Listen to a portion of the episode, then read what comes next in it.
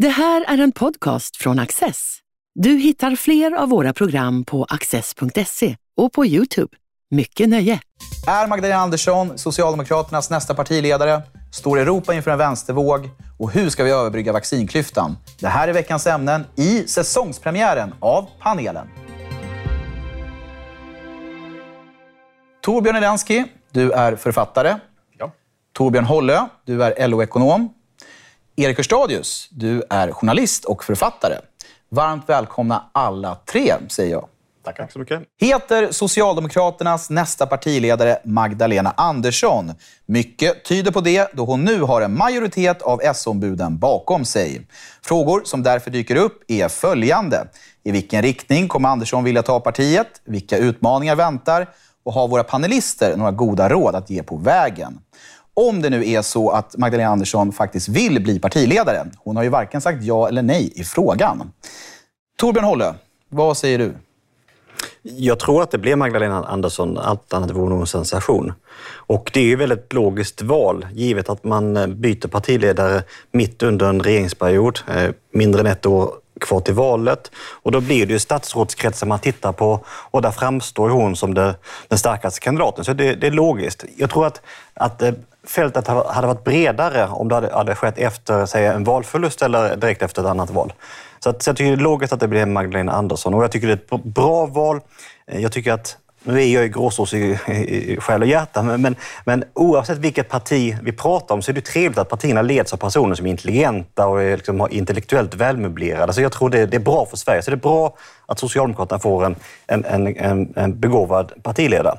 Men hon, eller om det blir någon annan, kommer ställas inför en väldigt, väldigt stor utmaning. Och det är en stor utmaning för S är ju att man håller på att tappa det som tidigare konstituerade alltså kärntrupperna. Alltså man, man blir allt svagare i, de, i LO-grupper och lägre tjänstemannagrupper och istället så liksom kompenserar man i viss mån, men bara marginellt, genom att, att behålla och kanske till och med stärka sig bland så här, urbana akademiker, i viss mån utrikesfödda.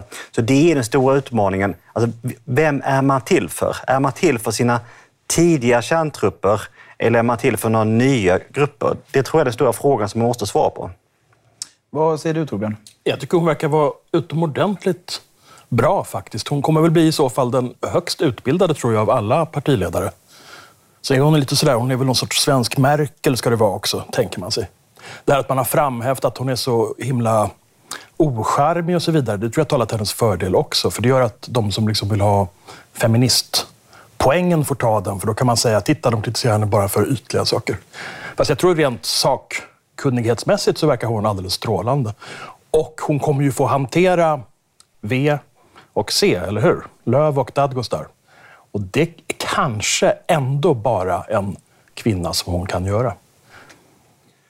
Erik? Ja, det här är, är om hon nu säger ja, vilket allt talar för, som hon inte har slagit igen dörren hårt. Va? Det hör ju till när man ska bli socialdemokratisk partiförande, att man inte visar att man är sugen på jobbet. Hon har inte sagt tok nej, så det blir ju hon eftersom den här uppslutningen. Ehm, hon är ju så uppenbart kompetent. Eh, det är ju som ingen snack om saken. Jag kommer ihåg när hon debatterade mot Anders Borg inför valet 2014. Anders Borg är mycket uppburne även på europeisk nivå, finansministern. Hon klarar de där debatterna väldigt bra. Den här tjurigheten, hon kallas ilska av journalister ibland och sådär, ehm, kan vändas till hennes fördel på flera sätt. Det som Torbjörn sa, Torbjörn Elensky sa, ehm, eh, att hon kan få någon slags feministpoäng, en, en, en kvinna som står på sig och sådär. Men det handlar också om att de gånger hon visar charm, vilket hon kommer göra, och flörta med tv-publiken och sådana saker, då kommer det få ganska stor impact. För att hon känns ju inte som en fjäskig och smörperson i grunden. Det finns ett, ett roligt YouTube-inslag hon gör när hon intervjuar några eh, unga kids vid Sergels torg. Känner ni igen mig? Det, äh, det gör vi inte. Men det borde ni göra, jag är finansminister och så, så hon har den ådran också.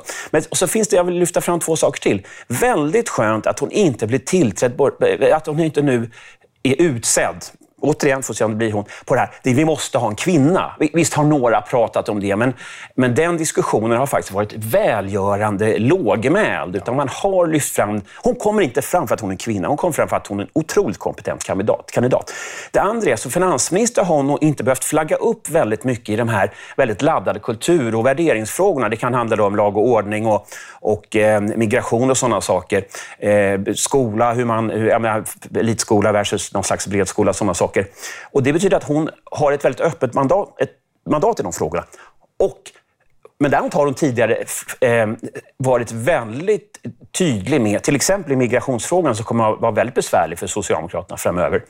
Eh, bland annat handlar om att hämta tillbaka väljare från Sverigedemokraterna. Där har hon flaggat upp väldigt hårt, alltså en mycket restriktiv linje. Hon sa för några år sedan i intervju att kom inte hit, vi har fullt i våra system, har hon sagt till världens eh, potentiella flyktingar. Kom inte till Sverige. Hon fick kritik av det från vänsterfalangen i partiet, men, men, men hon, hon, kan liksom inte... Hon kommer någon från slags lite mittenposition utifrån att hon inte har flaggat upp ideologiskt så mycket och därför kan hon staka ut en egen linje. Intressant.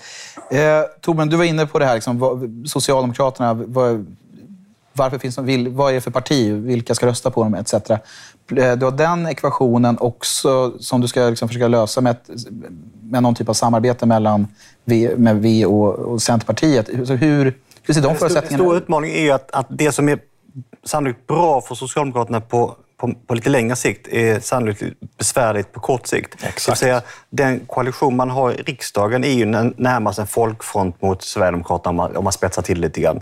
Eh, medan det som skulle, skulle göra Socialdemokraterna vara stark framgent är ju att, att vara, vara ett brett parti eh, som, som, som attraherar också de väljarna som, som har placerat sig hos Sverigedemokraterna. Så, så det är en väldigt eh, eh klurig ekvation. Alltså, eh, alltså riskera makten idag för att eventuellt i framtiden bli starkare. Det, det, det, är, det är inte så jätteattraktivt för politiker att göra, den, eh, göra det. Nej. Sen tror jag verkligen att det, är, det kommer verkligen bli mer problem med Centern och Vänsterpartiet än med oppositionen. För oppositionen är ganska svag, tror jag som någon bekant till mig sa nyligen, Moderaterna vill inte ha makten tillräckligt mycket. Och det vill ju sossarna hela tiden. De vill verkligen ha makten.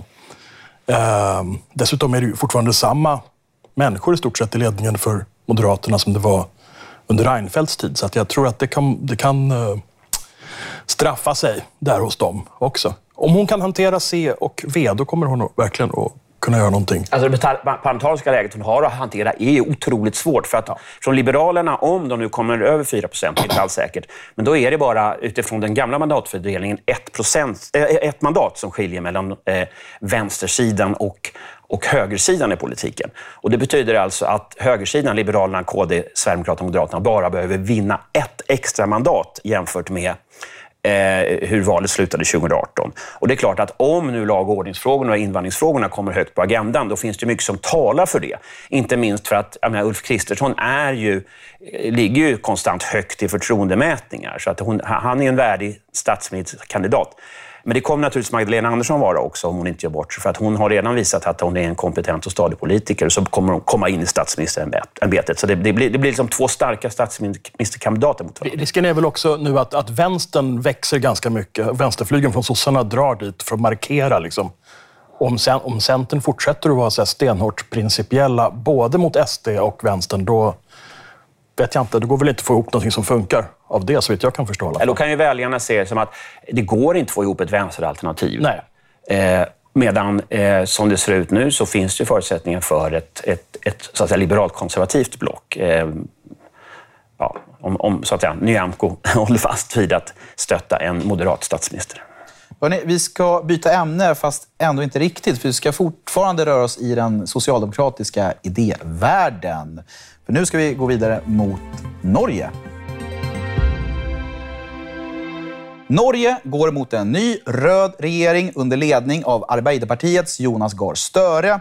Och i Tyskland pekar socialdemokratiska SPDs Olaf Scholz ut som storfavorit till att bli nästa kansler efter CDUs Angela Merkel.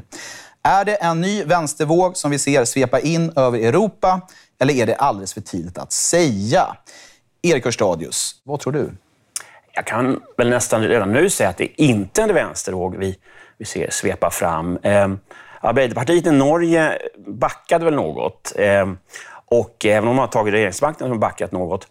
Eh, och det är ju, han har ju, Gerd Stare har ju något av högersosse-stämpel på sig. Eh, den tyske socialdemokratiske förbundskanslerkandidaten Scholz, han är också högersosse. Han är så långt till höger om, om så att säga, övriga partiledningen. Alltså, SPD i, i Tyskland eh, är ganska vänstertiltat. Men så har du det här att de utser en kanslerkandidat. Han är inte ordförande i sitt parti, men han är kanslerkandidat.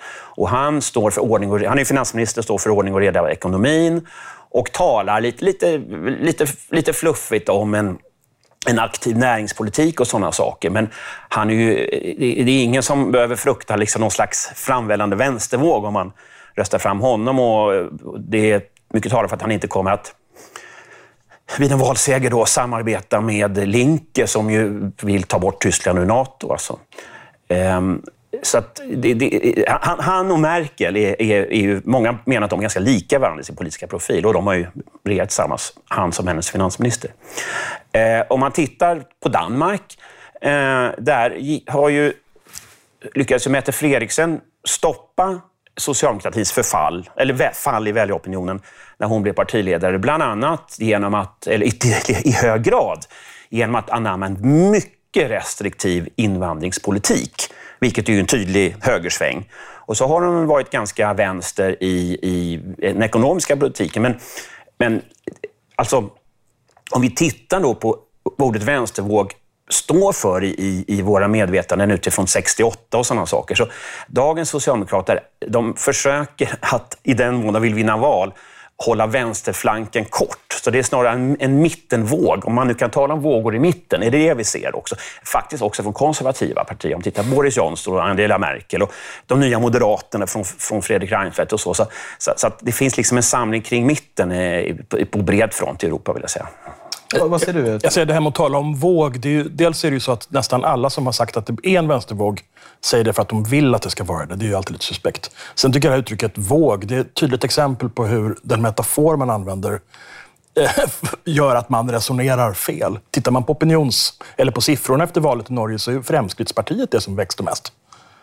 Eh, medan just eh, Arbeiderpartiet backade. Arbeiderpartiet backade och gjorde, jag tror kanske till och med sitt sämsta val någonsin. Näst sämsta någonsin. Ja, det som, och, och i övriga Europa, jag menar Frankrike finns det väl ingen vänstervåg. Där är det höger mot ännu mer höger. I Italien är de två största populistiska respektive fascistiska högerpartierna absolut störst och så vidare. Ehm, det som däremot verkar hända, tror jag, det är att den här möjligen polariseringen avlöses lite grann av en sorts fragmentisering, fragmentarisering, där man hela tiden måste pussla och pussla och pussla. För man måste ju pussla ihop en regering i Norge. Man kommer behöva pussla ihop en regering i Tyskland, intressant. I Sverige har man varit tvungen att pussla. Eh, och så har jag en känsla Pusselvåg? Att, ja, en pusselvåg alltså. Det tror jag. I Italien har de ju pusslat. Och Italien ligger ju alltid först när det här utveckling. Där har de pusslat i decennier. Eh, men det här är intressant för att då verkar ju socialdemokrat, socialdemokratiska partier verkar då vara ganska mycket bättre än kanske borgerliga partier på det här pusslandet. Att, att man är liksom, att man har, har man, enk, har man blivit bättre på att navigera det här nya liksom, Men de är väl så, har väl varit historiskt sett på de flesta håll så pass breda att de klarar att dra upp folk både från vänster och höger och ha någon sorts trovärdighet i det. Tror jag i alla fall. Jag vet inte vad ni säger. Torbjörn? Nej, alltså jag tänker nog att, jag skulle inte heller prata om vänstervåg, men däremot tror jag det finns ett antal liksom, politiska trender som är lättare för partier till vänster att fånga upp och, eh, och eh, växa kring. Och jag tänker på klimatfrågan. Alltså klimatfrågan är jättestor. Alltså det, jag tror Sverige är det enda landet där inte den toppar. I Sverige toppar väl krim, eh, brottslighet och kriminalitet, men alltså, det, det är en toppfråga. Det är, det är naturligtvis inte, det är inte givet att det ska vara en vänster högerfråga, men jag tror att det är lättare för partiet till vänster att, att, att, att, att nyttja den här liksom, trenden. Det andra är liksom centrum-periferi. Väldigt sån stark diskussion. Alltså landsbygdsfrågor, det lokala. Inte heller det är nödvändigt att det är en vänsterfråga, men tror det är lättare för vänsterpartier. Och det tredje är, är, är någon typ av att en breda löntagargrupper som känner att man halkat efter, att man liksom inte fått sin beskärda del. Eh, det är därför diskussion om minimilön i många, många europeiska länder.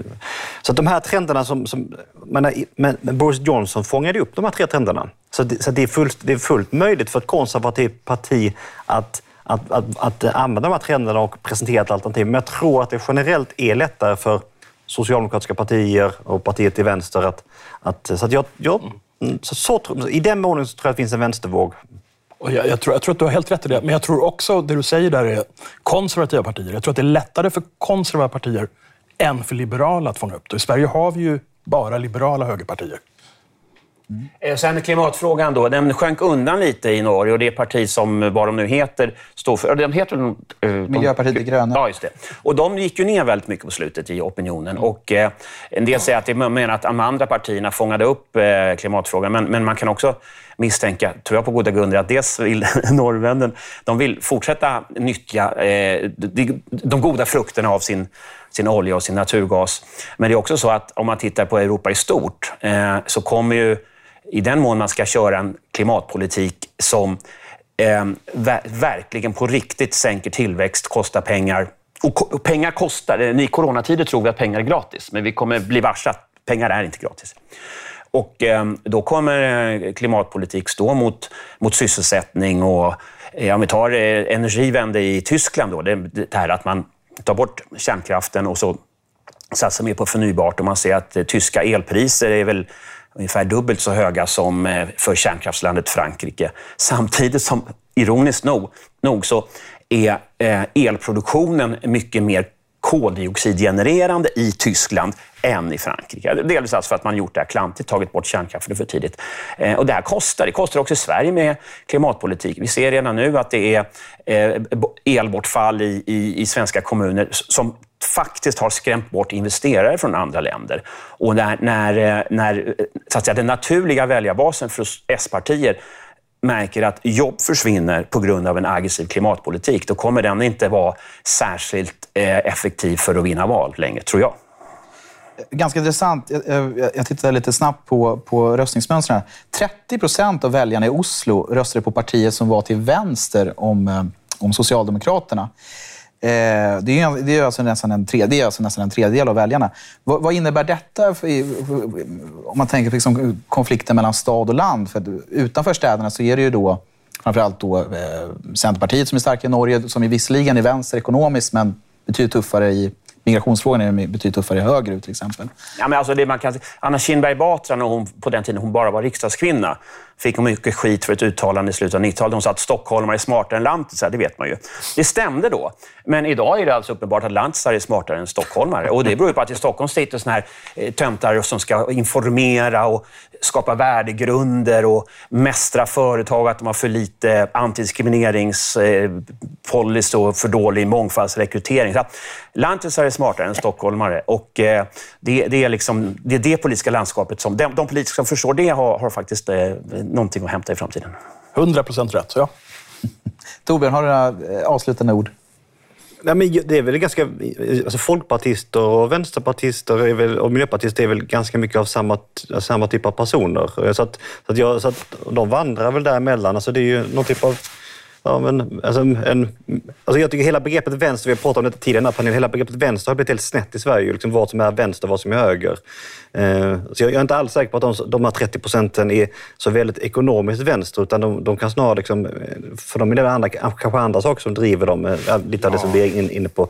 Så att i den mån så är det, är det snarare ett uttryck för något liberalt än något, än något vänster kanske. Abs absolut. De tillhör ju då den här klassen, det som du beskriver som, som är en sorts ny media PR-klass. Den kanske inte är ny, men den har vuxit sig väldigt stark på senare. En parasitär klass. En parasitär klass, absolut. Vi talade tidigare om närande och tärande sektor, ja. men det här, här är en genuin... Men Centerpartiet i, Norge, tärande, tärande Centerpartiet i Norge är, är, väl uttryck för vänster. Ja. Alltså, det skulle jag säga. De, det är liksom ett... De, de, de, Centerpartiet i Norge? Ja, de, de, ligger... De, ett relativt konservativt parti, värderingsfrågor och ekonomiskt liksom, liksom ganska progressivt. Det är väl ganska naturligt baserat på vänsterskalan. Det finns mindre motsättningar mellan riktig om jag säger så, vänster och vissa konservativa än det gör mellan liberaler och bäggedera. Ska jag nämna också att eh, marxistiska Röde gick ju väldigt bra i, i senaste valet. Alltså ett, ett parti som är till vänster om svenska Vänsterpartiet, hur man ska uttrycka det. Eh, vad det nu kan vara. Eh, ett ja, det har lite att göra med att, att, att det här med allmänna trenden att socialdemokratiska partier väljer mitten när de ska möta väljarna. Och det är klart att det uppstår ett utrymme till vänster. Precis som det gör i Sverige också. Den, den här pragmatiska mittenpolitikern Löfven, det uppstår ett Dadgostar-läge. Eh, så det är inte så konstigt egentligen. Plus att Dadgostar insåg att om man säger det man tror på och gör det man säger, då får man förtroende. Det, det är någonting de andra borde lära sig av.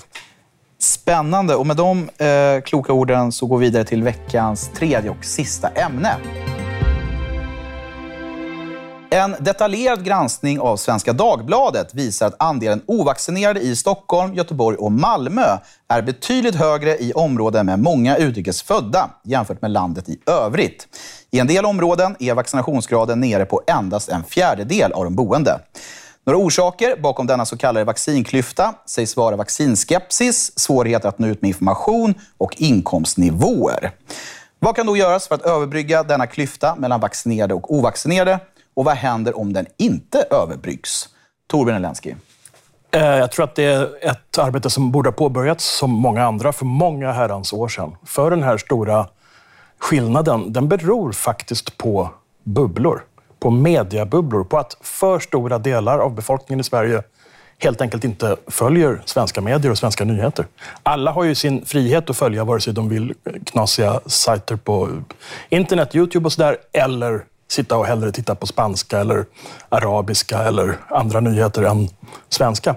Men jag tror att vi inte har fattat hur stort problem det faktiskt är att det inte ställs större krav och därmed inte högre förväntningar heller på att folk ska lära sig och kunna svenska. Och återigen, även om man kan svenska så är man inte tvungen att följa svenska medier. Man kanske i alla fall vill se den mexikanska telenovellan och så vidare. Men jag tror det här, alltså de mediebubblorna, att folk faktiskt inte följer svenska, svensk samhällsinformation, svensk debatt, svenska nyheter.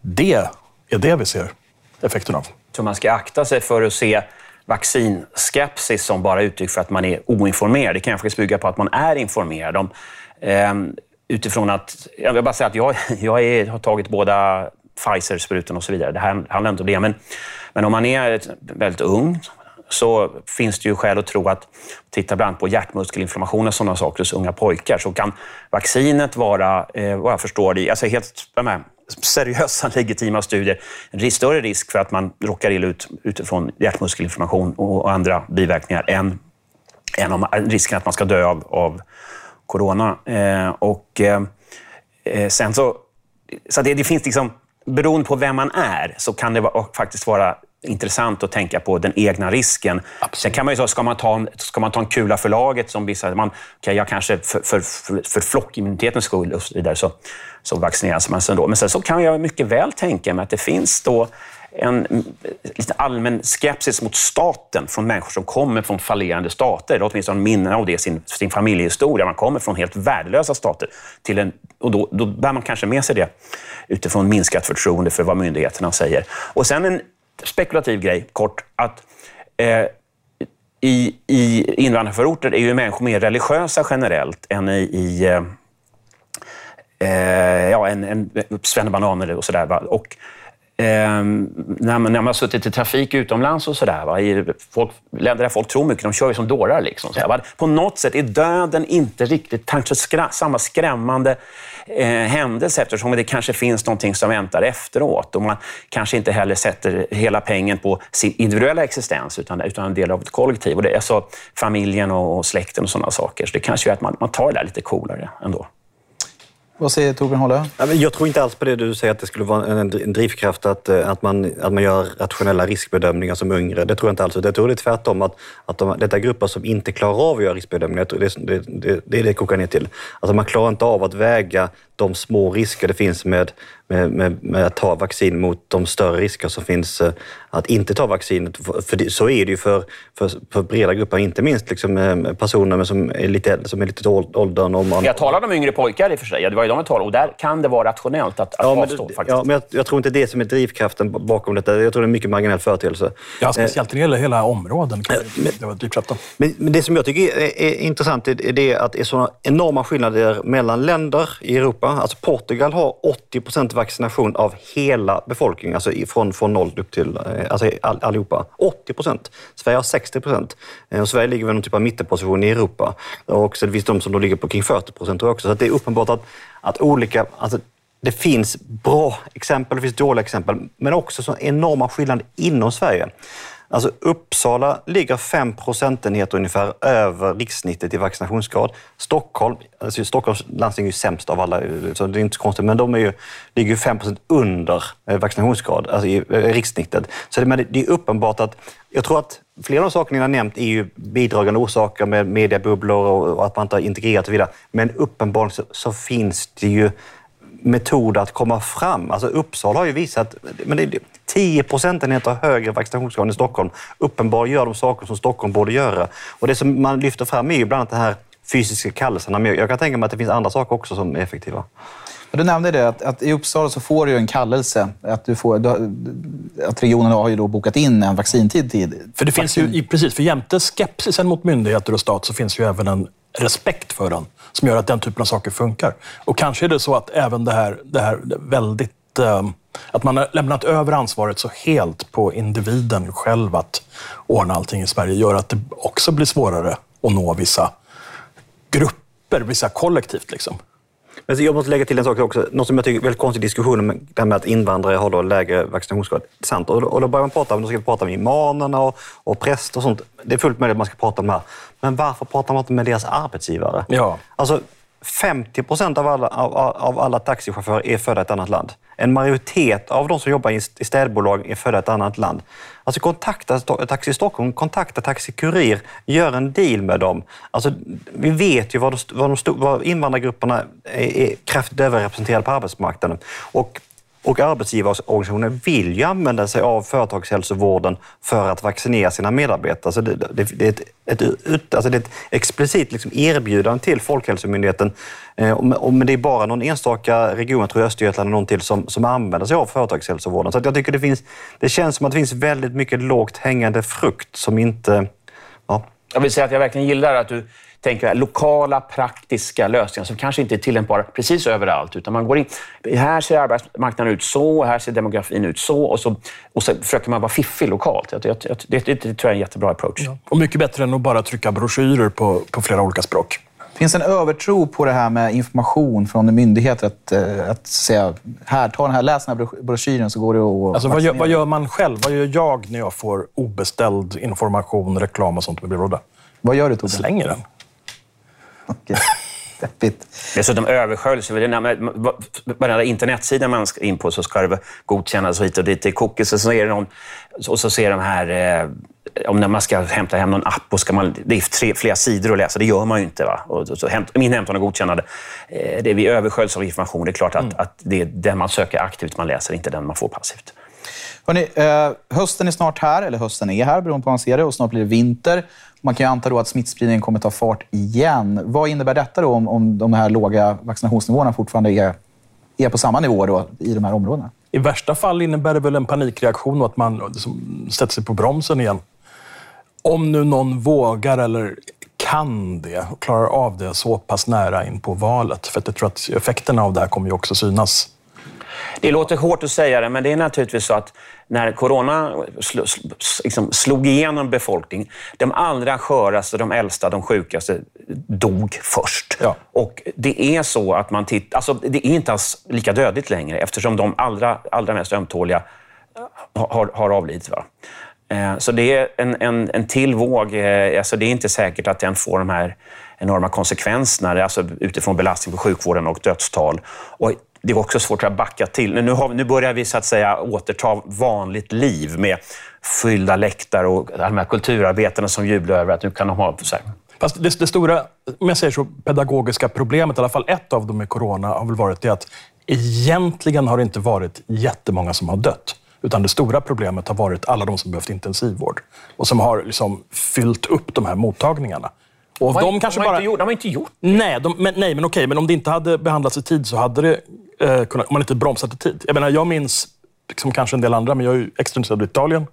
I Bergamo i början, där man inte hade några som helst restriktioner. Och de körde militärkonvojer genom stan med, med lik. Liksom. Det var totalt kaos och katastrof. Det har vi inte sett, så vitt jag vet, någon annanstans än. Slutord, Torbjörn Hålle.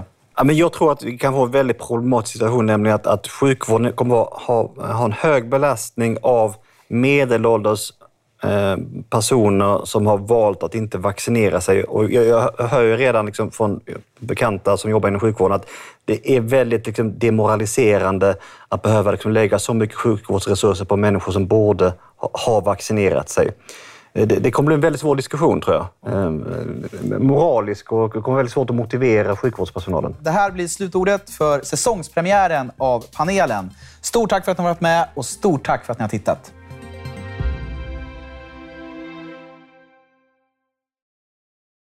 Du har just lyssnat på en podcast från Access. Du vet väl att vi också är en tv-kanal och tidning? Teckna en prenumeration idag på access.se.